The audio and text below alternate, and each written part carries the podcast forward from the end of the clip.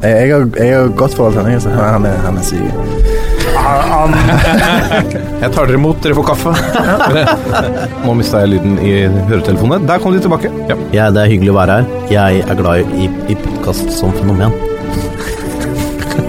Jeg må ut. Hjemme mot Lyngen Karnes gikk de på et litt leit 0-19-tap eh, her. Hvilken divisjon snakker vi? Er det tredje eller fjerde? Fjerde, fjerdedivisjon. Kjetil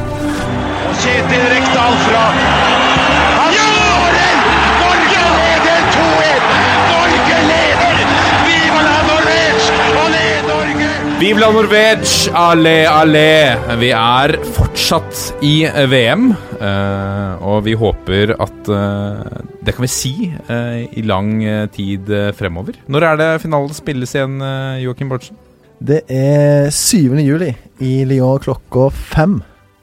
Har du bestilt billett? Jeg har ikke bestilt billett, men eh, jeg håper jo at Norge kommer til den finalen, og at vi faktisk kan bli verdensmestere. Det er ikke helt utenkelig, faktisk. Får vi se, Tror du vi får se den krabbingen, reprise på den? Ja, hvis vi blir verdensmestere, så er alt lov. Så da kan vi krabbe. da, da tror jeg vi må krabbe, faktisk. Sammen er vi sterke.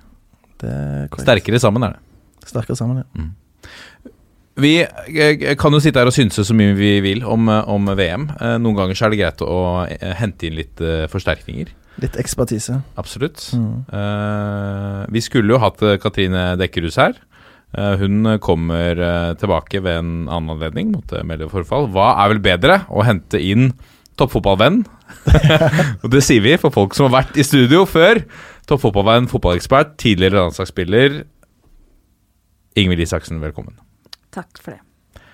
Fint å ha deg tilbake. Veldig hyggelig å få være tilbake òg. Har du savna oss? Å ja, jeg har tenkt på dere hver dag siden Det er vel et år eh, siden? Ja, det er vel nokså nøyaktig et år siden, Ja. faktisk. Da var du Juventus-spiller, Jeg var det. og nå er du ikke det. Nei, nå er jeg ikke fotballspiller engang, så det er All downhill from last time. Åssen er det å sitte For nå er du jo i, eh, i eh, både TV 2-studio som ekspert, og også vært med i VG-studio og dekket vært med å dekke sluttspillet. Hvordan er det å, å se på fra sidelinja? Ehm, det har egentlig vært veldig moro. Ehm, eh, det er jo klart det er litt blanda følelser, fordi man gjerne skulle vært der nede og opplevd det sjøl. Men uh, det er jo en situasjon jeg har eh, akseptert. Uh, og dermed så syns jeg det er veldig gøy å få, få bidra litt da inn uh, og følge jentene på den måten som jeg har gjort nå. Drøyt å tenke på at vi sitter her med ei dame som faktisk kunne vært der. Meg og deg er jo så langt ifra å kunne oppleve noe sånn som mulig, men Veldig langt fra. Nei, det er eh, Ja, jeg, syns også det er uh, sitter her med en tidligere Juventus-spiller. Er Vi er også ganske langt unna uh, akkurat de tingene der. Uh, vi skal selvfølgelig vie veldig mye av denne sendingen til, til VM. og, og til det spennende oppgjøret mot England som venter oss i morgen. Vi sitter her på onsdag. Eh, hva, hva må bli bedre før møtet med England? Eh, hvordan, eh, hvordan skal vi slå England? Det, er, det er mange spørsmål som vi kan stille oss. Vi må snakke litt om oppmerksomheten rundt dette mesterskapet. og, og fokuset på, på de norske landslagsjentene. Vi knuser TV-rekorder. Det var nå 20 000 flere som så kampen mot Australia, enn som så Champions League-finalen for herrer. Så vi tar steg. Eller gjør vi det? Definitivt. Ja. Store steg. Ja. Um, så har vi fått inn noen lyttspørsmål, og uh, vi skal også snakke litt om, uh, om toppserien og hva som foregår der. Og hva, som, uh, hva i all verden som foregår i din gamle klubb Stabæk, uh, Ingvild. Nå er de tabelljumbo etter, uh, etter ni-ti serierunder. Og det må vi touche litt innpå senere i sendingen. Men nå er det rundens øyeblikk. Dette er toppfotball. Så har vi kommet til rundens øyeblikk, og det er som kjent, det kan være så mangt eh, eh, som favner alle våre serier, men nå også et, et verdensmesterskap. Men hvor skal vi nå, Ingvild? Eh, Jeg tar meg noen sekunders VM-pause og eh, drar bort til Eliteserien. Eh, Stabæk som har skåret og tatt poeng på bortebane. Hei! Hey! Det er gledelig. Ja, Mm. for det har ikke det er, en, det er en stund siden. Ja, de har vel ikke gjort det i år, Nei. Eliteserien. Så um, Det var ikke mange som så den komme nå heller. Nei, Fordi Kristiansund hadde vel ikke uh, tapt på hjemmebane? Jeg lå på femteplass og var store favoritter mot et Stabæk-lag som uh, har uh, slitt hele sesongen. Men eh, enormt viktig for uh, Janne Jønsson å, å få den seieren. Ja, for er det Janne Jønsson-effekten? det aner jeg ikke, men eh, det er vel eh, ja, de, kanskje de har fått jobba godt i sommerpausen og får retta på et par ting. Og forhåpentligvis klarer de å klatre litt oppover tabellen. Du så jo når, eller da Boli satte inn den straffen rett før slutt.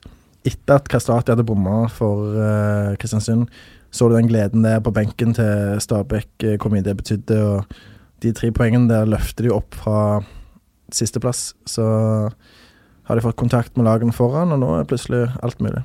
Mm. Og det er jo flere lag som sliter der nede, så, så det er jo uh, hvert eneste poeng teller i den bunnkampen. Fordi i bunnen der så tas det lite poeng. Ja, altså Godset uh, er jo det laget som uh, sliter aller mest nå, etter en ny stor smell hjemme for Molde med 4-0 i sekken der i Henrik Pedersen sin første kamp. Så det er en del klubber som må bruke sommeren godt. Ja. Vi går videre til deg, Joakim. Hva har du plukka ut? Jeg har jo tenkt lenge på dette øyeblikket. Eh, Landa på Jeg hørte du lå og tenkte på det før du, mens du la deg sove i går. Ja, da tenkte jeg på hva som kunne være øyeblikket. Mm. Eh, det er ikke det jeg går og kverner på i hodet hele uka, men eh, det slo meg iallfall at eh, skåringen til Norge mot Australia, eh, 1-0-målet til Isabel Herlovsen etter et uh, nydelig forarbeid, en herlig pasning av uh, Karina Sævik. Det var klasse. Uh, både måten Sævik oppfatter situasjonen på, pasningen hun slår gjennom, som er perfekt vekta rundt den australske forsvarsspilleren, og måten Herlovsen setter den ballen i mål. det er alene om keeper, men det er ikke så lett som det gjerne ser ut til. Det er veldig vanskelig, faktisk, å, å sette den, men hun gjør det. Og eh, vi diskuterte jo litt eh, før vi gikk på her, og Karina Sævik har jo gjort eh, det som gjerne er årets øyeblikk. Eh, eh, ikke bare i norsk fotball, men faktisk gjerne et av årets øyeblikk i europeisk fotball. Eh, for Kolbotn i toppserien mot Stabæk. Nei, det var mot Avaldsnes. Mot Avaldsnes. Ok, mm. Men uansett, en helt vill eh, scoring eh, som eh, folk må inn på YouTube, eh, tror jeg, for å se. Så um, hun har jo vært en åpenbaring eh, denne sesongen. Debuterte vel på landslag i februar. Spilte sin syvende landskamp, eh, tror jeg det var, nå mot Australia, og virker som Eh, egentlig en av Norges eh, viktigste spillere. Nå er det mange viktige spillere på det laget, da, selvfølgelig. Eh, og det er jo gjerne først og fremst et kollektiv, men eh, hun syns jeg har eh, fremstått på en veldig, veldig bra måte så langt i VM. Ja. Godt eh, øyeblikk. vi skal for min del en tur til Morten? Å nei, vi kan ikke gå dit hver helg. Nei, okay, okay. Eller vi kan. Ja. Uh, men det blir en annen type podkast. Ja. Uh, vi skal til Bodø-Glimt og, og Patrick Berg, som, som, valgte å spille matchen til tross for det tragiske budskapet om Arild Bergs bortgang. Um, Arild Berg som mistet jo Nei, unnskyld. Patrick Berg som Nei. Arild, Runar og Ørjan Berg mistet jo også sin andre onkel, legendariske visesangeren eh, Er det Terje Nilsen? Mm. Uh, som, som, gikk bort uh, i januar, var det vel? Så så vi et oppslag nå hvor hele familien Berg var samlet på den minnekonserten. Og det ble jo en dobbel altså en, Dobbel minnesund, ja. ja. En dobbel minnesund. En veldig sterk opplevelse for den, for den familien. og det øyeblikket jeg må si, når, når, jeg leste litt i forkant av den kampen, og, og Bodø-Glimt sa at vi skal vinne denne kampen for Arild, uh, og så går det opp i 2-0 uh, etter er det, er det, spilt et kvarter, eller noe sånt noe? Ja, de tok ledelsen etter 20 minutter, og så dobla de Jeg var jo faktisk på kampen, men ja. Eh, det var, var litt en halvtime, liksom. Ja. Og så ender det opp med å bli en, en, altså en eh, forrykende fotballkamp. Uh, ja, i hvert fall veldig mange skåringer, og Patrick Berg styrte jo den uh, Glimt midtbanen på en uh, veldig bra måte. Ja. Så jeg satt jo på tribunen der og, og følte faktisk, eh, ikke for å bli for sentimental, men jeg følte at det var ganske sterkt. Uh, De samla seg i ring før matchen, og, og kampen eh, ble blåst i gang. Så var det sterkt å se han yppe der. Mm. Og når de går bort og takker fansen der i, i etterkant Han står litt, blir stående litt ekstra lenge og, og klappe og takke de for eh, støtten. Det var et, eh, et eh, sterkt øyeblikk. Og en avskjed med en, en av de som kunne blitt en av våre virkelig Kanskje en av våre største. Mm. Er det i hvert fall sagt om Arild Berg. Så kan vi jo håpe da Patrick Berg tar, fortsetter å ta så store steg som, som mange tror at han kan ta. Jeg er fortsatt bare 21 år. Nå kommer pulsen. Og da er vi kommet til pulsen, og vi skal vie pulsen uh, nesten i sin helhet til, til VM i Frankrike, selvfølgelig. For etter, uh, etter kampene mot Nigeria, Frankrike, Sør-Korea og Australia, så er det nå altså England, selveste England, som står på andre banehalvdel. Hva sitter du igjen med etter de fire første kampene, Ingvild? Um, jeg er først og fremst imponert eh, og stolt over måten de har gått inn i dette mesterskapet på. Um, så jeg sitter igjen med en sånn følelse av at det har vært en veldig stor kollektiv eh, drivkraft eh, bak resultatene. Um, og så har det vært noen perioder hvor de har slitt litt mer, men sånn totalt sett så har jeg vært veldig imponert over det de har prestert her nede. Joakim, hva slags uh, tanke gjør du deg om uh, de fire første matchene? Det har vært litt varierende i, i uh, de kampene. Varierende, men først og fremst er det jo eh, veldig solid, det de har eh, prestert. Uh, venter gjerne ennå på den eh, eh, helt eksepsjonelle kampen, men eh, eh, de er et veldig sterkt kollektiv. eh, har jo fremstått veldig solide defensivt, spesielt med Mari Mjelde og Maria Toresdottir. Selv om eh, de har sluppet til en del sjanser òg mot Australia, eh, som, som de kunne havne under med både ett og to mål ganske tidlig, egentlig. Men eh, mange bra prestasjoner. eh, mange som har eh, imponert. Eh, Vilde Bø Riise, som jeg nevnte forrige uke, hun satt og tenkte litt på det. Liksom, hvem er det egentlig hun minner meg om? Og da burde jeg jo selvfølgelig kommet på en uh, kvinnelig sammenligning, men uh, det første som slo meg, var Luka Modric, egentlig. Sånn både ballvinner og ballfordeler. Uh, herlig type som, som virker å ha en sånn Hva skal jeg si mot i spillet sitt. da, sant? Hun er helt uredd. Holder på ballen, drar av en mann selv om eh, det er inne på Norges barnehalvdel, Eh, og er like god å, å distribuere ballen som er til å vinne, nesten. Eh, så har jo Ingrid Syrstengen òg vært veldig, veldig god på sida av hun. Og så har du jo Sævik, som nevnt. Karoline Graham Hansen, selvfølgelig. Men eh, det har vært mange gode prestasjoner, så jeg, eh, jeg gleder meg til den eh, England-matchen. Ja, jeg har lyst til å selvfølgelig trekke fram Isabel Herlofs nå. Vi snakket litt om det før vi gikk på.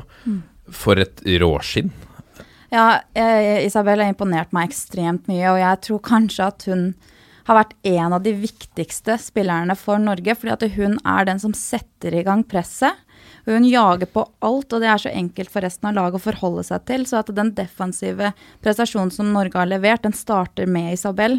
Eh, og den syns jeg at kanskje, altså spesielt kanskje forrige mesterskap, da, den eh, manglet vi, selv om det var langt mer enn det defensive som manglet i EM. Eh, men altså, hun stopper aldri, og hun altså, venter ikke på at noen andre skal bli med heller. Hun bare setter i gang og løper seg helt tom i hver eneste kamp. og ja, jeg må bare ta av meg hatten for den prestasjonen som hun har levert i Ja, Jeg husker jo kommentatoren eh, kommenterte det da hun ble tatt av mot eh, Sør-Korea, at eh, kanskje de rett og slett altså hun, Der løp hun jo nesten ukritisk eh, rett før hun ble tatt ut. At hun ble tatt ut fordi at de er nødt til å spare kreftene hennes litt. grann. Ja, det er klart det koster jo mye å, å jobbe på den måten som hun gjør, men i tillegg da Med ballen så syns jeg hun er veldig fornuftig. Hun kjenner på en måte sine begrensninger. Hun vet hva som er rollen sin. Hun skal holde ballen opp, eh, la laget komme etter, legge igjen, gjøre det enkelt, komme inn i boks. Og det syns jeg hun har gjort på en veldig god måte. Altså Når hun setter sjansene sånn som mot Australia, så er det jo Helt nydelig. Mm. Så um, eh, funker Jeg tror hun er ganske lett å spille med òg, egentlig. Lett å forholde seg til. Uh, så er det jo perfekt å ha Karoline Graham Hansen rundt hun. Um, men det er klart at vi må jo, eller Norge må jo prøve å sette hun opp i flest mulig innleggssituasjoner. Få hun i boks. Uh, la hun bruke styrken sin der, så kan det fort bli eh, en del skåringer til. Og hun begynner jo å nærme seg eh, veldig Mm. den eh, skåringsrekorden eh, på det norske landslaget. Hun er f eh, Tror det, f- er, det, er det fire mål bak? Fire mål bak, ja. Ja. Så hun, og jeg tror hun har veldig lyst til å ta den rekorden. Ja, Så hun kommer til å jage til hun har den. Marianne Pettersen som har 66. Ja, det er ikke det? stemmer. Nei, det er Ja, den, eh, den ser vi. Den lyser nesten eh, ut av henne når hun tar alle disse løpene sine. Men men jeg, jeg må trekke fram også Altså, vi har en helt vanvittig rutine. Hvis vi tar forsvarsrekka, da. Nå runda Kristine Minde runda 100 kamper for Norge i, i kamp mot Australia. Maren Mjelde med 135 kamper. Eh, Elise Nei, unnskyld. Maria Torisdottir, som jo har fremstått som en bauta med, med bare i haketegn 35 kamper. Og så har har du Ingrid Movold med, med 59. Altså, det har litt å si med, med den rutinen bak der. Ja, eh, og kanskje spesielt med tanke på at de foran dem ikke har eh, så mye rutine. Selv om jeg, som du sier, Ville Risa og Syrsteingen de spiller jo som om de har 100 landskamper, og det syns jeg er ekstremt imponerende.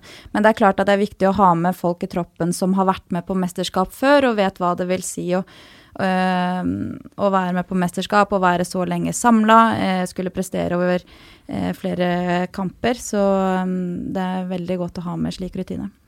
Men det som på en måte eh, jeg syns er veldig positivt, da, det er at eh, de har gjerne ikke eh, kjørt over motstanderen til nå, men de eh, fremstår som et mesterskapslag Mm. som gjør det de må, spiller klokt, eh, eh, er på en måte ikke overambisiøse, eller de, de går ikke ukritisk framover. sant? Eh, så er det jo en del spørsmålstegn nå da inn mot England-matchen. Det er òg et veldig bra lag. De, England er relativt store favoritter. eh, eh, I hvert fall hvis du ser på oddsen, så, så er det ingen tvil om det. Og, og de òg er jo veldig gode på kantene, f.eks. Du nevner Minde. Eh, med all respekt for hun, så er hun gjerne et svakt punkt for Norge på den venstre bekken.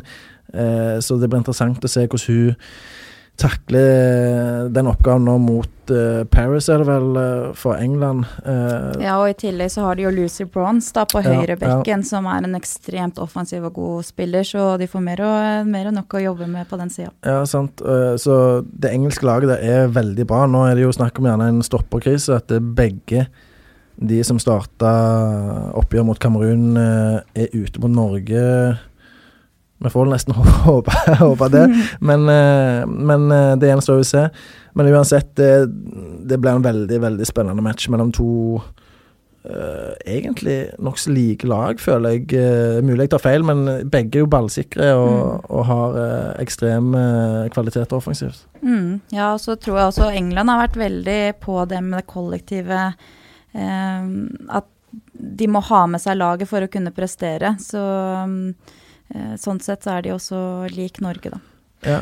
For du, du, en, av de, som- som, en av de tingene som, som står sterkest for meg så langt fra det norske laget, er samholdet. Og vi ser bildene fra treningen. Det er harmoni.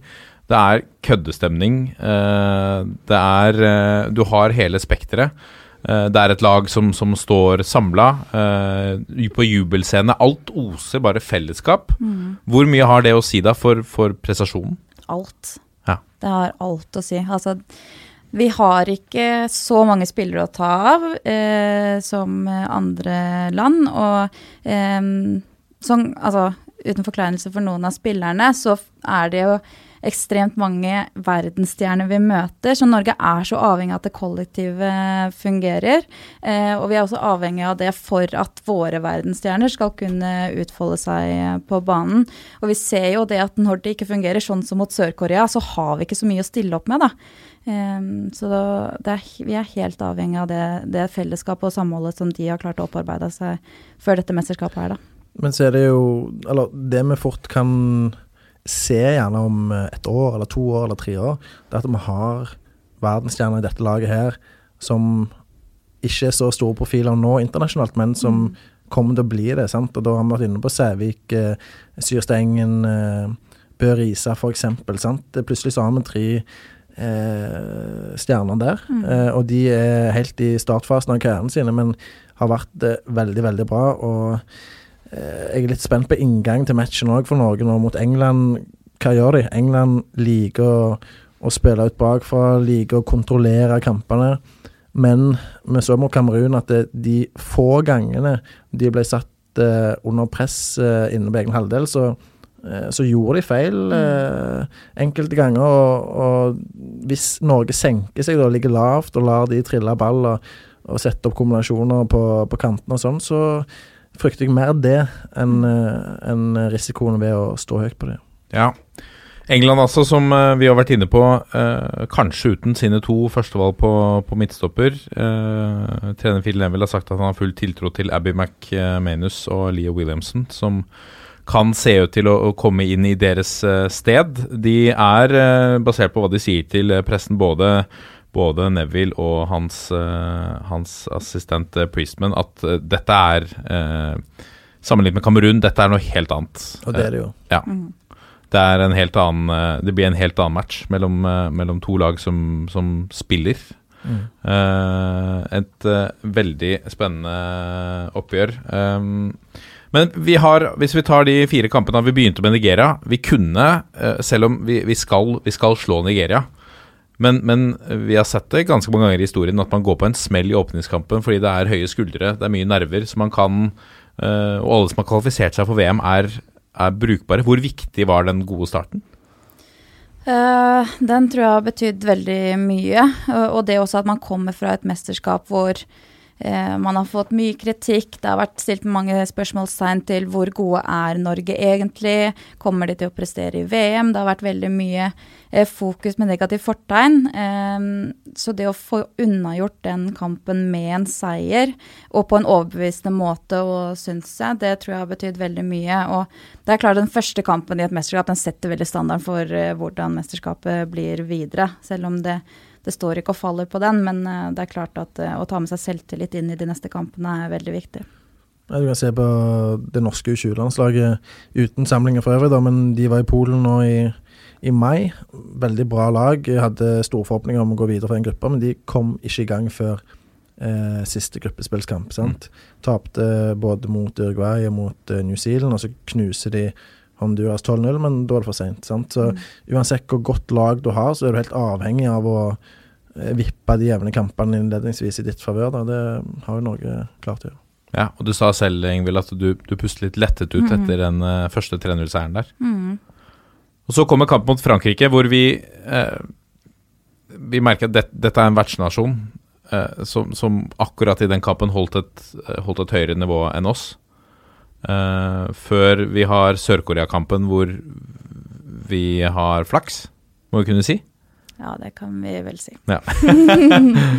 uh, også Australia, som, som, uh, som vi Der ble det jo snakket om dette om at, at ryker vi mot Australia, så har det vært en skuffelse. Eh, vinner vi, så er alt en bonus. Sitter dere med samme følelse? Ehm, ja, både og. Altså, det spørs litt hvordan eh, vi hadde tapt mot Australia. Eh, som jeg sa litt før her, at hadde vi ryket på de straffene, eh, så tenker jeg at det hadde ikke vært en svær skuffelse. For jeg syns at Norge overbeviste i den kampen. Hvis vi ser bort fra annen omgang, så syns jeg at Norge fortjente å vinne den kampen. Og straffesparkkonkurranse, så man vet hvor mye press det er, og hvor litt sånn tilfeldigheter det er. Men hadde de kanskje tapt 3-0 og, eh, og ikke prestert godt, så er det klart at eh, det hadde føltes mer som en skuffelse. Eh, men det er ganske stilig at det er én kamp som skiller mellom eh, at det er et mislykka mesterskap, og nå er det altså et kjempevellykka mesterskap, da. Ja, og så, sånn er det jo i, i fotball, det, disse små marginene. Men nå har jo nå har det jo gitt seg selv en kjempesjanse da, til å på en måte skape et eventyr. sant? England er motstander i en kvartfinale. Eh, de har alle muligheter til å gå videre, faktisk. Eh, eh, folk er skadefrie, så vidt jeg vet, i bra form, masse godt humør, masse energi. Og så er det jo noe spesielt å møte England, sant. Så mm, tenk å få en semifinale, da. Og nå er det kvarten. Alt kan skje hele tida. De kan gå til en finale eh, 7. juli. ja. ja, så er det jo litt at de har bevist altså Selv om de tapte mot Frankrike, så har de bevist at de kan matche de. Og det gir oss en sånn følelse at de kan slå hvilket som helst eh, lag, og at eh, i et mesterskap så kan alt gå an. Eh, det er jo EM 2013 som jeg var med på, liksom bevis på, for vi gikk jo inn i det mesterskapet litt på samme måte som det her. Vi hadde tapt masse i forkant. Eh, var vi egentlig gode nok? Og så kommer du på en sånn flytbølge, da. Eh, og får den der følelsen at søren heller, vi kan vinne mot hvem som helst, vi. Eh, og den følelsen tror jeg de sitter med nå, og England er helt klart et lag de kan slå. England eh, jo som Vi kan jo håpe da at fraværet fra kapteinen eh, Steff Huten og, og hennes stoppemakker kan eh, skape litt bekymring i, i laget. Nå har jo Phil Neville rokert litt på laget underveis i gruppespillet. Det har eh, fortsatt eh, resultert i at de raste gjennom med tre, tre seire. Den første i åpningskampen mot Skottland satte vel standarden for, eh, for stemninga i, i England. Det er gøy å se også at de, de også slår TV-rekorder. 6,1 millioner seere som så England-Skottland, før den ble knust av, av 6,9 millioner da Kamerun ble slått. Ja, og for de som ennå ikke er overbevist på en måte om at kvinnefotball er underholdende og bra produkt, se England-Kamerun, se Australia-Norge, se den kvaliteten som er pasningsspillet. Det, det vil jeg påstå går langt utenpå det, det norske herrelandslaget holdt på med mot eh, Romania og Færøyene, for å si det mildt. Så det er veldig imponerende. Så det bidrar jo til at jeg eh, gleder meg veldig til den matchen nå mellom Norge og England. Som sparkes i gang altså 27.6 klokka ni i Le Havre. Det går, eh, kommer rapporter om at eh, begge lag skal ha flaks for at den, eh, kampen spilles i Le Havre, for det er en av de få byene som går klar av denne hetebølgen som, som nå kommer. Så det kan, eh, det kan jo selvfølgelig ha en eh, påvirkning eh, på de andre kampene også. Hvis det er oppimot 40 grader, så har det litt å si. Og nå er det for seint å begynne å trene med søppelposer over Som vi har gjort før. Vi, eh, vi gleder oss eh, til, eh, til kampen mot England. Vi kan fortsette å snakke litt om Det begynte vi litt på før vi gikk på, Ingvild.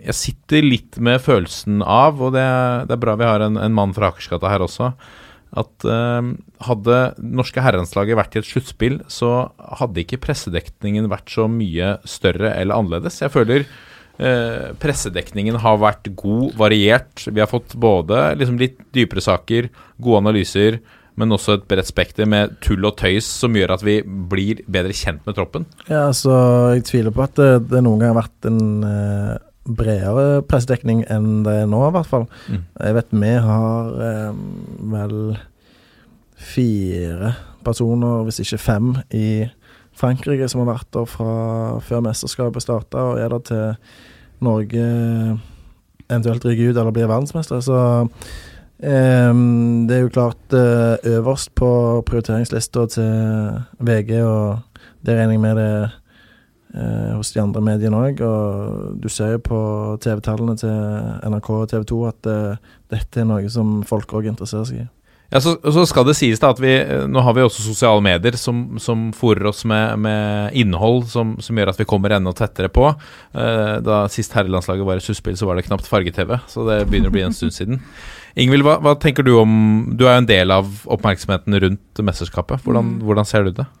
Eh, nei, det har jo eksplodert. Eh, og jeg syns det er utrolig kult at så mange medier eh, vier så mye oppmerksomhet til, eh, til det her. Og det har jo vært litt sånn Det litt savna, det du sier at nå får folk bli kjent med jentene eh, ordentlig. Og jeg har følt altså frem til nå så har kanskje kvinnefotballen, da, hvis vi tar hele kvinnefotballen, sitter og venter litt på at media skal gjøre noe. Media sitter og venter på at det skal skje noe i kvinnefotballen, og nå har vi liksom fått begge deler, da.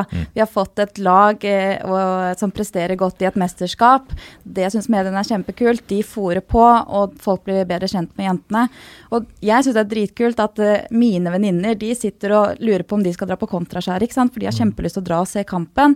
Og den entusiasmen blant det norske folk, det, altså, det gjør meg så stolt, da. Eh, selv om det norske publikummet de er jo litt vanskelig å please. Det skal jo liksom veldig gode resultater til for at de kommer, men det skjer noe nå.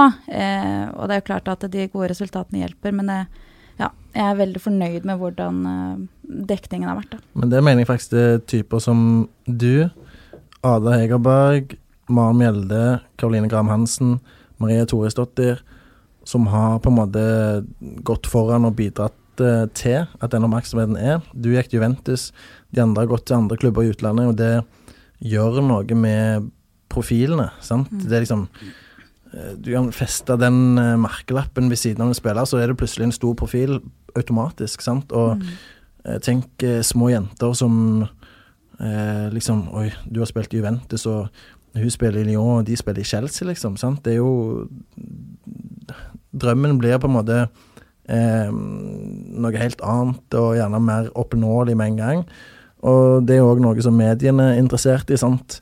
Eh, Ada Hegerberg, som jo ikke er med på landslaget, men hun skal ha all mulig eh, kred og respekt for det hun har gjort, og eh, den oppmerksomheten hun har bidratt til gjennom sine prestasjoner, og gjennom å bli kåret til verdens beste spiller, vunnet gullballen.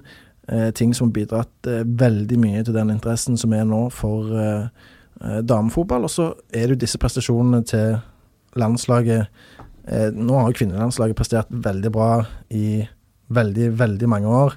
Mye bedre enn herrelandslaget, så eh, det er ikke ene og alene de gode prestasjonene i dette mesterskapet som, som gjør at eh, dekningen og interessen er såpass stor som den er nå, men det er alle disse faktorene her, da, tror jeg. Ja, så, så tror jeg, da, at, og det har vi snakket en del om når vi snakker om, om, om Eliteserien også, at, at eh, de som skaper en blest Du har profiler, og så kan de av noen så tolkes de, tolke de som en profil med en litt sånn negativ uttalelse, f.eks. Men en sak som f.eks. Altså Ada Hegerberg og, og landslaget, som jo har preget nyhetsbildet i liksom perioder i vår. Eh, og så kan man Skal vi ikke ta opp hele diskusjonen om, om liksom opptakten til sluttspillet var riktig eller galt, men det har i hvert fall gjort at folk har en mening, da. Folk har, folk har hengt seg på, engasjert seg. Du merker liksom noen er forbanna på landslagets vegne, på Ada Hegerbergs vegne. Og Vi ser liksom et engasjement der som vi har savna litt. Ja, og det engasjementet kommer jo av at det der er stor interesse for hva som foregår når eh, store profiler er involvert. sant? Eh, eh, hvis dette her hadde vært en eh, Hva skal jeg si En eh, eh, pil- og bueskytter, holdt jeg på å si. sant? Så hadde ikke folk brydd seg så mye om hva som skjedde i det forbundet. sant? Men her er det store profiler som har kommet som en konsekvens av veldig gode prestasjoner. sant? Men, men det er interessant du sier, for jeg, jeg tenkte på det samme med, med På grunn av, av Magnus Carlsens eh, prestasjoner i, i sjakk, som jo tok oss med storm. Plutselig var blitt en na- sjakknasjon, vi, plutselig. Ja. Alle skulle spille sjakk, og alle ønska seg sjakk til jul. Og, men hvis han hadde blitt verdensmester i sjakk, og ikke pressen hadde skrevet noe om det, det hadde jo Eller det er mitt spørsmål til deg, da. Tror du det hadde forbigått i, i litt mer i stillhet? altså Hvis ikke mediene hadde dekka Magnus Carlsen, så hadde jo selvfølgelig ikke interessen vært som, som han er nå. Mhm. Eh, Det er egentlig et retorisk spørsmål. ja, ja, ja, ja, men Da prøver jeg ikke å ta fra han eh, noe ære, men det er klart, de, det henger jo sammen. Eh, mediene er avhengig av profiler eh, og, eh, i, og idretten, og idretten er avhengig av mediene for å skape interesse og inntekter, og få sponsorer på plass. Sponsoren òg er avhengig av mediene for å få eh, betalt for sine sponsorbidrag, hvis du skjønner hva jeg mener. Sant? Så alt her henger jo sammen. Det er jo en underholdningsindustri eh, som fotballen er, i hvert fall. Nå er ikke media en underholdningsindustri, men eh, du blir jo på en måte en del av underholdningen eh, allikevel. Men da blir det jo kanskje litt sånn som du sa, Ingvild, at det blir litt høna og lege, da. Den ene, altså Fotballen, kvinnefotballen er avhengig av at mediene tar grep. Mediene sitter og venter på at kvinnefotballen skal finne på et eller annet uh, fantastisk. Ja, Og så for det er jo litt litt det at ikke sant, gode prestasjoner og store profiler har vi jo hatt lenge, men så lenge ingen skriver om de, så Mm. når de ikke ut til folket, da. Eh, mens nå har vi liksom begge deler, og som du nevner da, at det, eh, flere av jentene nå går til eh, lag som har et stort navn allerede i herrefotballen. Det er med å hjelpe på eh, oppmerksomheten. Eh, Eh, og selv om ja, de har store navn, men det er også store lag de Mm. går til. Eh, Chelsea er eh, et av de beste damelagene i Europa. Barcelona er det. Lyon er det beste laget. Eh, så det er helt klart at det hjelper da at de, herrelagene har startet å satse på damelagene også. Og det får vi bare håpe at eh, de gjør i Norge òg. Eh, Rosenborg har vel nå begynt å snu litt, etter å ha uttalt at de eh, ikke ønskte eller hadde behov for noe damelag. Så eh, så vidt jeg kan huske og hørt, så har vel de begynt å åpne litt for det nå. Få flere og flere eliteserieklubber på banen tror jeg vil være positivt for eh, interessen i, i Norge òg. Ja, fordi i et uh, Jeg henta ut en medieguiden til, til uh, NFF som ble sluppet i forkant av, av uh, mesterskapet. Hvor uh, liksom subtittelen her er 'The world's greatest engagement among female compared to inhabitants'. Til å kunne eh, Kan du gjenta det? eh, Dette er engelsk. Kan du oversette? Følg med. Verdens største engasjement blant kvinner eh, per capita, da, per innbygger. Mm. Eh, At vi har en, en eh, altså, størst engasjement sånn sett, eh, med tanke på at vi er en liten nasjon også. Mm. Det ser vi også på, eh, på, på herresiden også. Men eh, til at vi kan liksom smykke oss med den tittelen, syns jeg vi ligger ganske langt bak, sånn hvis du ser utover Europa. Ja, var det noen oversikt her? Eh, ja, skal jeg, dette er også på engelsk, da. Skal jeg lese det til deg? Ja, altså, men hvordan kom Norge ut av dette? Mer enn 110 000 kvinnelige spillere. uh, hver fjerde spiller er kvinne. Den største, det er den største kvinnelige sporten i Norge. Mm. Uh, og det er uh, 7902 kvinnelige lag i, uh, i hele landet. Ja, og det er jo ikke rekrutteringen av kvinnelige fotballspillere som det har vært eh, noe problem med. Det er jo å få Eller å gi jenter muligheten til å fortsette lenger, sånn at de ikke føler at eh, når de er 19 år, så må de eh, flytte til et annet sted eller begynne på studier og bli nødt til å prioritere det, fordi at det er ingen framtid eh, i toppserien i Norge, fordi det er ikke penger til å leve av det.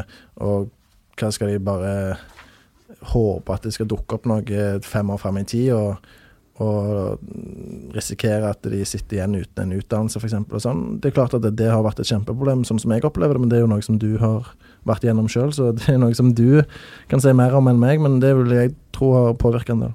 Ja, men det er jo ganske mange spillere som jeg har spilt med, som faktisk kunne ha fortsatt og vært med i VM i dag, da.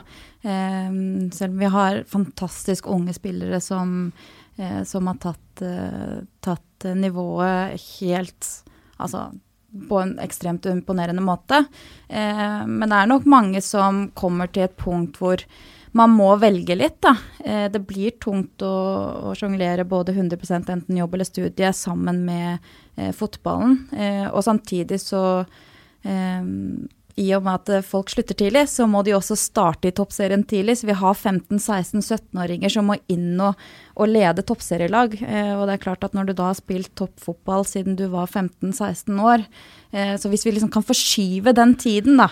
Eh, at de begynner å bli fast når de er 19-20-21, eh, og da orker å holde på lenger. med det Ja, for det, vil- det vil jo Det går utover kvaliteten til toppserien òg, selvfølgelig, når Mm. de beste spillerne slutter eh, for tidlig. sant? Og da blir kvaliteten automatisk dårligere, selv om det ikke er 15-16-åringene sin feil. Men mens, mens vi er inne på toppserien, da. Nå har vi, nå har vi uh, ett lag som, har, uh, som skiller seg kraftig ut, gjort det i mange år, LSK kvinner. Mm. Hvor bra er det, da? At vi har uh, Det er ikke spenning i toppen?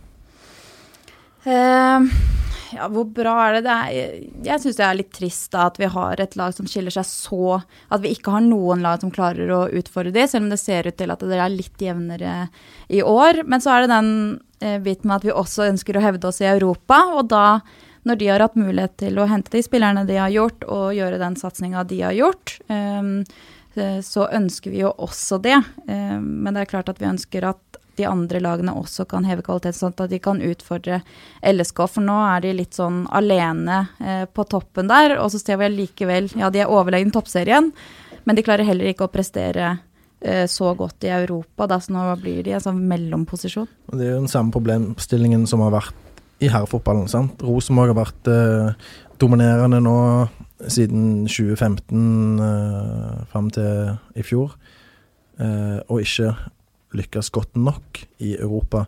Eh, så det er ikke noe særskilt eh, kvinnefotballfenomen. så det er jo det har jo både herre- og kvinnefotballen til felles, da vil jeg påstå, i Norge. Mm. Men, men så fikk jo vi prøve oss mot, eh, mot eh, topp europeisk motstand, LSK kvinner. Og mange tenkte jo at hadde kanskje litt høyere forhåpninger om hvordan vi lå an europeisk. Mm. Og så blir vi herja med av Barcelona. Mm. Hva er det som skiller LSK kvinner og, og toppen i Europa? Um, jeg tror jo at uh, altså, de resultatene der, de var ganske Altså, jeg også hadde høyere forventninger til hva LSK skulle klare mot uh, Barcelona. Jeg var overraska over toppnivået til Barcelona. Eh, samtidig så er det en liksom vanskelig overgang, da, for LSK spiller i toppserien, er dominerende. De spiller kun offensiv fotball. De, tre, de blir ikke utfordra defensivt. Og så bruker de da tre måneder fra serieslutt til denne kampen mot Barcelona, hvor de nesten må legge om måten de spiller på. Eh, og det blir jo veldig utfordrende. altså sånn som Norge går inn i et mesterskap på en måte kjenner sine begrensninger mot de beste i verden. De vet at de må ha et kollektiv, de vet at de må jobbe beinhardt defensivt. Eh, mens LSK på en måte bruker en hel sesong på å ikke måtte det, og så må de plutselig gjøre det mot Barcelona. Så jeg tror at ja, kanskje da hvis toppserien hadde vært jevnere, så ville LSK kanskje vært bedre rusta til å møte eh, Barcelona. Men det virker jo også litt som at de hadde forvent, høyere forventninger til seg sjøl. Og at når de møtte Barcelona i den første kampen, at de fikk litt sånn bakoversveis over eh, hvor stor eh, forskjell det var, da. Ja, for det er klart, Hvis du spiller daglig mot 15- og 16-åringer, med all respekt, så, så, så blir kanskje, det blir kanskje en litt brå overgang. Ja, selvfølgelig når du møter sånn like Martins, eh, som er kåret verdens beste spiller, og sendte Nederland videre her nå i VM nettopp, og Tony Duggan der i, for England, så det er klart det er spillere på et eh, høyt nivå, men det har LSK kvinner òg. Men det er klart at eh, eh, kollektivt sett så, så er det et stykke opp for, for de òg. igjen på samme måte som det er for norske herrelag, da. Så det er en utfordring vi har i Norge. Det, det er ikke eh, så veldig høyt nivå på ligaene våre sammenlignet med de internasjonale. Det gapet har jo bare blitt større og større de siste åra. Eh, men det er jo mulig å, å, å få suksess med gode årganger. Sant? Og Sarpsborg eh, viste i Europa League i, i fjor for herrer at eh, du kan eh, komme eh, relativt langt med begrensa ressurser. Ja.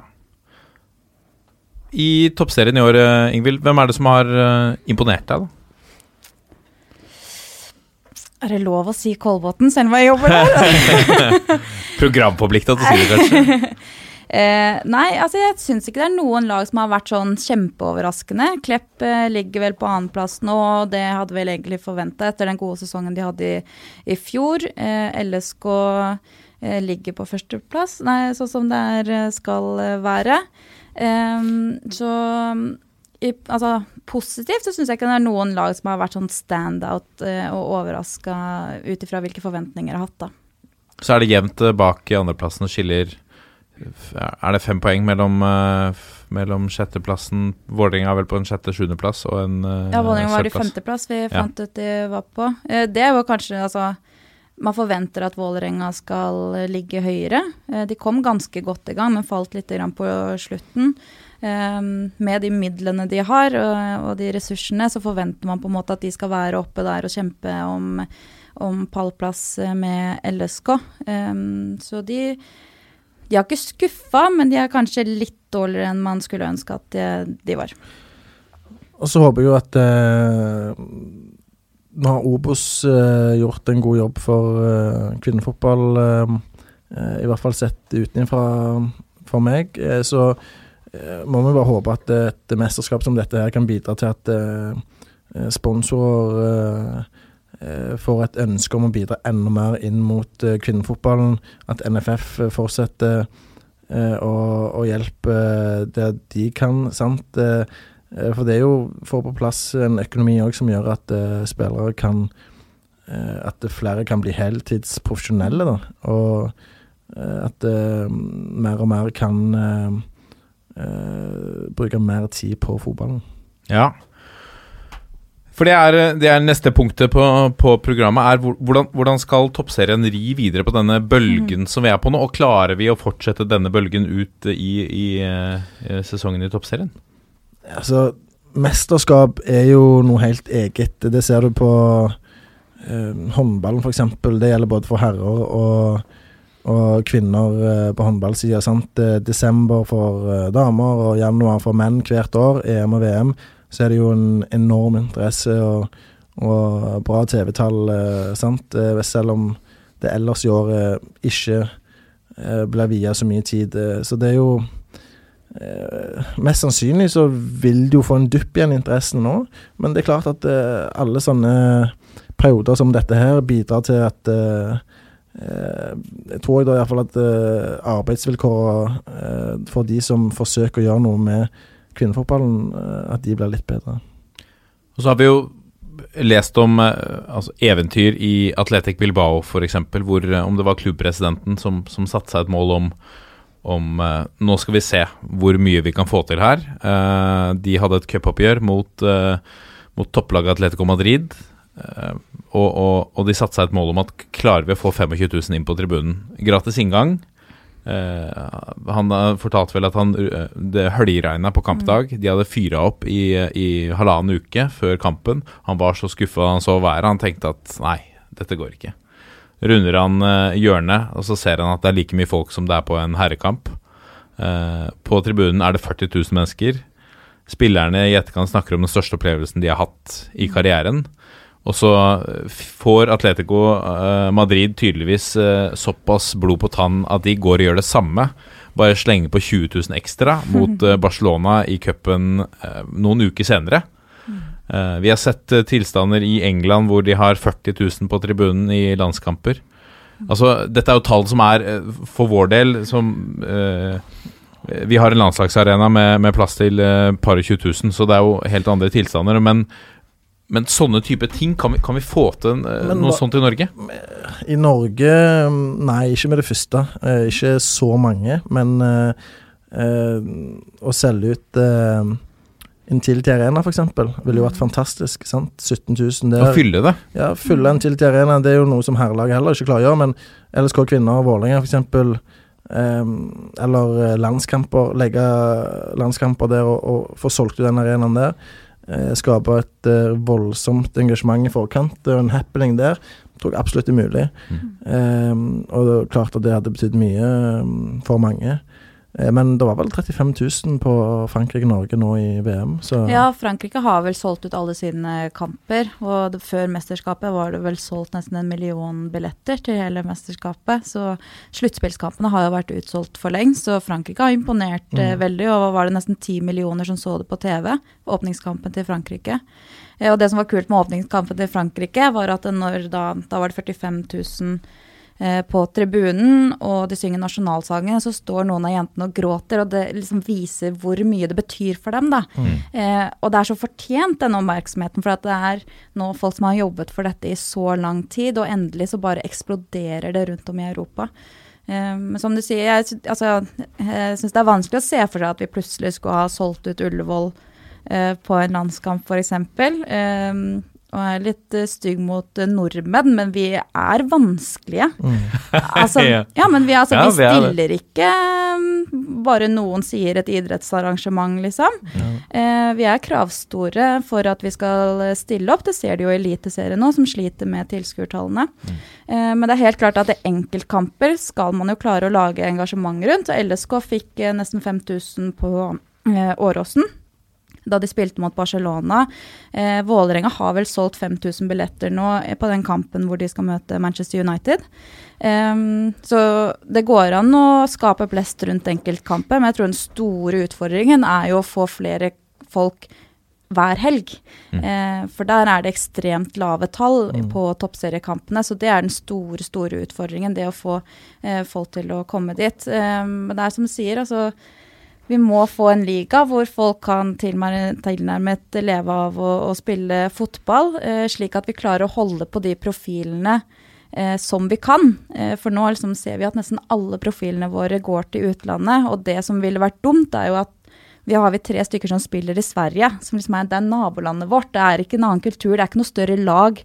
Eh, men de får bedre vilkår der, da. Og vi må liksom minimere den forskjellen, sånn at folk kan velge å bli i Norge, slik at vi får beholde noen av profilene i toppserien. Mm. Jeg hører ikke snakk om uh, at de skal gå fra to til fem millioner i lønn heller. Sant? Det er å kunne Mm. leve av det. Så, uh, men samtidig, jeg skal ikke trekke for mange paralleller til herrefotball, men der lever jo mange av det veldig godt. Men der òg sliter vi jo med publikumstallene. sant? År etter år, og snakkes om både kvalitetsmessig og, og for å heve produktet, og gjerne um, for færre antall lag i, i ligaen. Det har jo vært snakk om det i toppserien òg. Så det er jo enkelte tiltak som kan gjøres, men det er gjerne på publikumssida som som der er på en måte de største utfordringene ligger, da. Men uh, må bare jobbe med det. Men det, det, som er litt, eh, det som er litt rart, som, som, som eh, jeg syns er Jeg, jeg la, la merke til det var flere på Twitter som sa at det er så deilig å se en fotballkamp som er fotball. eh, som ikke er så mye filming. Det er ikke så mye annen type fokus. Sutring, masing på Altså, vi, vi skriker på dommeren nå, men, men uh, det, er, det er ikke så veldig mye fokus på, på alt mulig annet tull og tøys. Det er matchen som er i fokus. Ja, men jeg liker jo når det er litt uh, tull òg, sant. Når, når jeg- folk ruller sånn ti ja, ganger. det, det, nei, det, Men liksom nyk, det går greit. nykker, liksom. Nei, det nei, nei, men sant, det har vært mye det har vært, Kan gjerne ta knuffing og litt, Ja, litt det- det småfighting. Det har vært nok drama, da. Ja, ja, ja, absolutt. England-Kamerun-kampen, for eksempel, ikke veldig lenge siden. Ja, Da tenkte jeg først og fremst på, på våre. Ja, jo, jo. Uh, absolutt. De opptrer på en veldig fin måte, men eh, Men eh, ja. Ja, Kamerun var, England-Kamerun var jo litt kaos. Det var litt si. kaos, ja. Men eh, nei, altså personlig så så er ikke det noe som jeg henger meg så veldig mye opp i. Men ja, jeg skjønner at det, det kan være eh, deilig å, å se en match uten at det, det er for mye mye rulling og klaging på, på dommeren. Det skjønner jeg. Men poenget mitt er Jeg var ikke helt ferdig. skjønner du. Jeg har et større poeng. Og det er jo nettopp, nettopp det med at, at forholdene er såpass vanskelig. Altså, du, du, du får Det er akkurat det du får. Du får ikke noe gratis som, som kvinnefotballspiller. Du må jobbe Du må jobbe Det er en beinhard jobb. Uh, vi, vi snakker om vi snakker om annendivisjonsspillere Nei, tredjedivisjonsspillere på herresiden i Norge som har det, så, har det så tøft fordi at de må trene like mye som Eliteserien og fortsatt må gå på jobb. Eh, de får jo fortsatt betalt. De får jo fortsatt mer mediedekning enn enn, eh, toppserien. Ja, i lokalavisene. Ja. Og her har du, her har du fotballspillere som, som har en eller annen, en eller annen øh, drøm langt der ute om at kanskje jeg kan lykkes, men, men nåløyet er så trangt, og, og innsatsen er så stor. Øh, og, og det er ingen som Det er ingen som ser på engang. Altså, det er ingen som, Jo, men- det er ingen som gir Jo, men Det er ingen som gir er- oppmerksomhet. Det er det nå. Ja, men det er det nå. Nå Ja. er vi i sluttspill. Ja, jo, men jeg tenker generelt Jeg eh, kunne godt tenkt meg å reise som privatperson og sett eh, Nå er ikke Chelsea sitt damelag i Champions League neste sesong, da, men reise sitt eh, Barcelona-Lyon f.eks. med Graham Hansen mot eh, Hegerberg eh, og en del andre profiler der. Mm. sant? Helt nydelig, og gjerne Chelsea komme til Champions League neste år, blir det jo da. Og sett tre norske jenter der, sant. Profiler. Eh, dra til London, eh, se en match med Chelsea samtidig. Sant? Nå får du jo plutselig sånne muligheter. da Ja. Og det er klart at det, det er noe som ikke gikk an før, og som bidrar eh, ekstremt positivt. Så så jeg det ble sluppet i dag at Real Madrid stiller med, med kvinnelag fra 2021-sesongen. Mhm. Før det så har de De tar over et lag, som ofte skjer på kvinnesiden. Ja, det var det som de, skjedde med Juventus òg, sant? De kjøpte et lag, Mm. De kjøpte liksom plassen sin i serien. Ja. Mm. og det gjorde også når Real Madrid kjøpte et, et Deportivo-type lag. Altså, de kan jo uansett ikke sitte og se på at eh, Barca bygger opp et uh, verdensklasselag altfor lenge, så det ble jo nydelig for det plutselig Eller klassiko på kvinnesiden òg. Fantastisk. Før vi går videre på litt spørsmål, så må jeg spørre deg, Ingvild. Fordi eh, du, du slang et lite stikk til herrelaget til Stabæk. Mm. Men jeg må jo Stabæk, din gamle klubb, hva foregår der i toppserien? Nå står det med ett poeng på Vi har spilt ti serierunder. Kan vi få et Ja. comeback det? ja, Hadde jeg bare kunnet det. Ja. Um, men nei, eh, ja, hva som skjer, jeg vet ikke. Det har jo det har gått ganske fort, men man har sett det litt de siste par årene at, eh, at det har gått litt nedover. Um, og jeg vet ikke, det er jo vanskelig for et topplag å prestere så dårlig. Um, så hvordan de Nå har ikke jeg vært der sammen med jentene og sett hvordan de tar det, men jeg, jeg kan bare se for meg at det er ganske tungt. Og det å liksom skulle hente seg opp fra en sånn sump, det, uh, det er ganske vanskelig. Men det er klart de har uh, unge spillere lite rutine, men eh, har nok også prestert dårligere enn det det laget egentlig bør og kan. Um, men Det er vanskelig å sette fingeren på hva som skjer, men det ser jo ganske mørkt ut akkurat nå. Eh, I år er det jo også to lag som rykker ned, så du er jo nødt til å komme på topp ti eh, for å kunne klare en eh, kvalik. Eh, jeg, men det jeg syns er synd, da, er at et lag som Stabæk Her har vi et lag som har eh, topplag på både herre- og damesiden, eh, hvis de skal rykke ned. For jeg klarer ikke helt å se for meg at de jentene som spiller der, kommer til å bli med ned i førstedivisjon.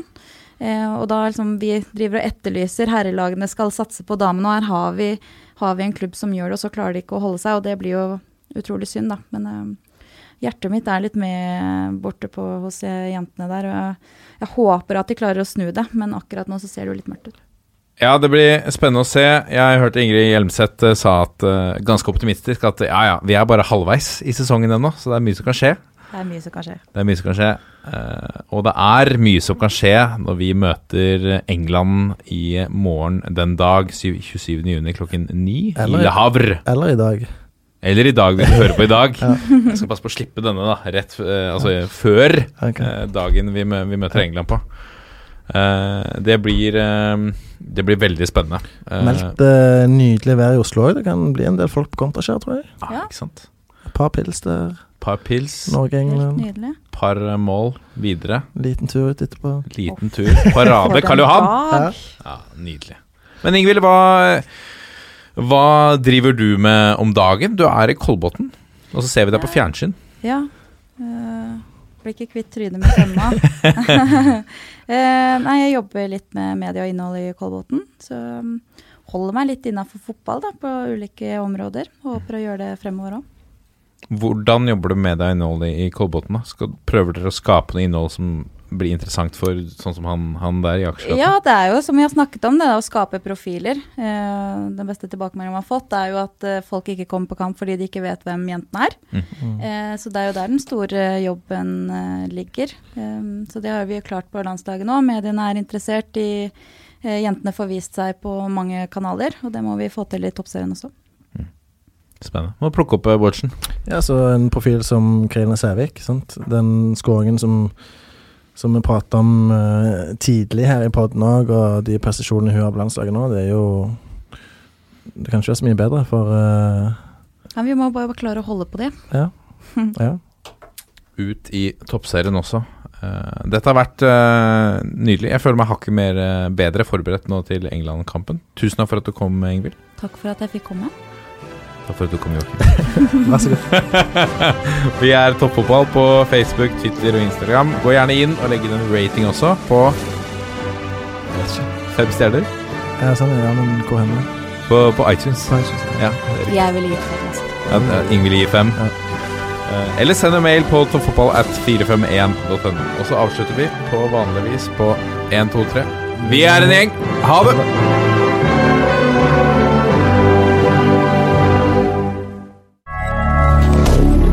Moderne media.